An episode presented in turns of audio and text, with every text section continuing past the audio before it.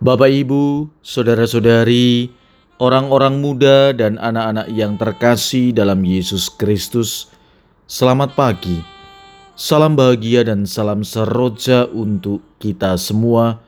Berkah dalam. Bersama dengan saya, Romo Antonius Garbito Pambuaji menyampaikan salam dan berkat Allah yang Maha Kuasa. Dalam nama Bapa dan Putra dan Roh Kudus. Amin.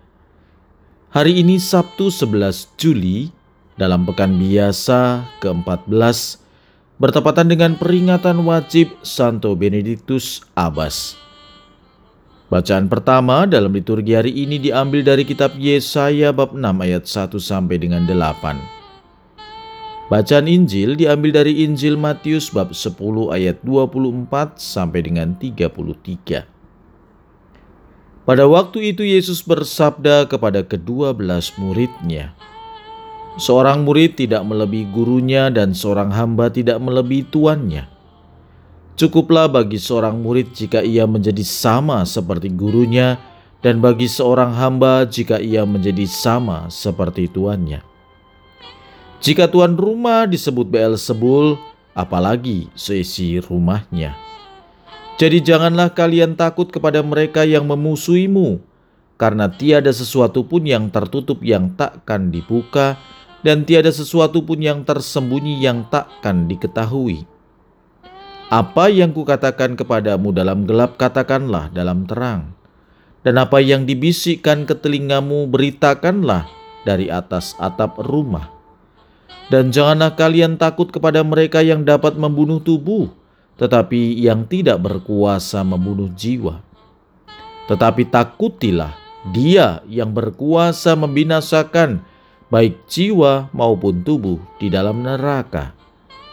Bukankah burung pipit dijual seduit dua ekor? Namun tak seorang pun akan jatuh tanpa kehendak Bapamu. Dan kalian, rambut kepalamu pun semuanya telah terhitung. Sebab itu janganlah kalian takut karena kalian berharga daripada banyak burung pipit. Barang siapa mengakui aku di depan manusia, dia akan kuakui di depan Bapakku yang di sorga.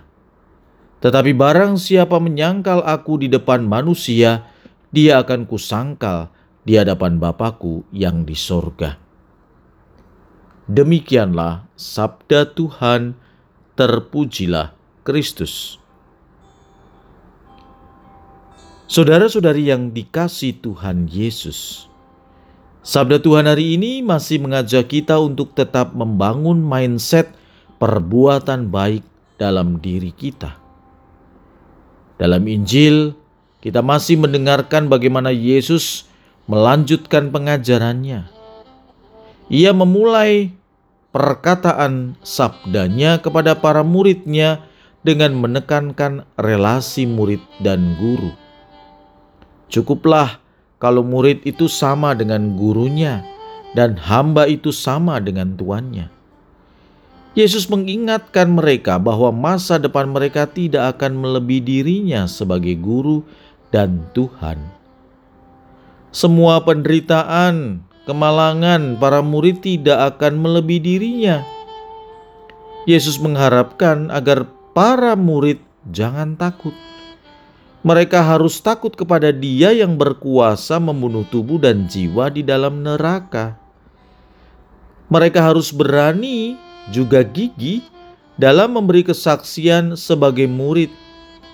Begitu juga sebaliknya, tidak takut terhadap segala penderitaan yang mereka tanggung akibat perbuatan manusia. Saudara-saudari yang terkasih, Sabda Tuhan hari ini menyadarkan kita bahwa semakin kita beras, merasa dekat dengan Allah, harusnya semakin baiklah hidup kita. Hal tersebut mengubah kita untuk menjadi pribadi yang lebih baik.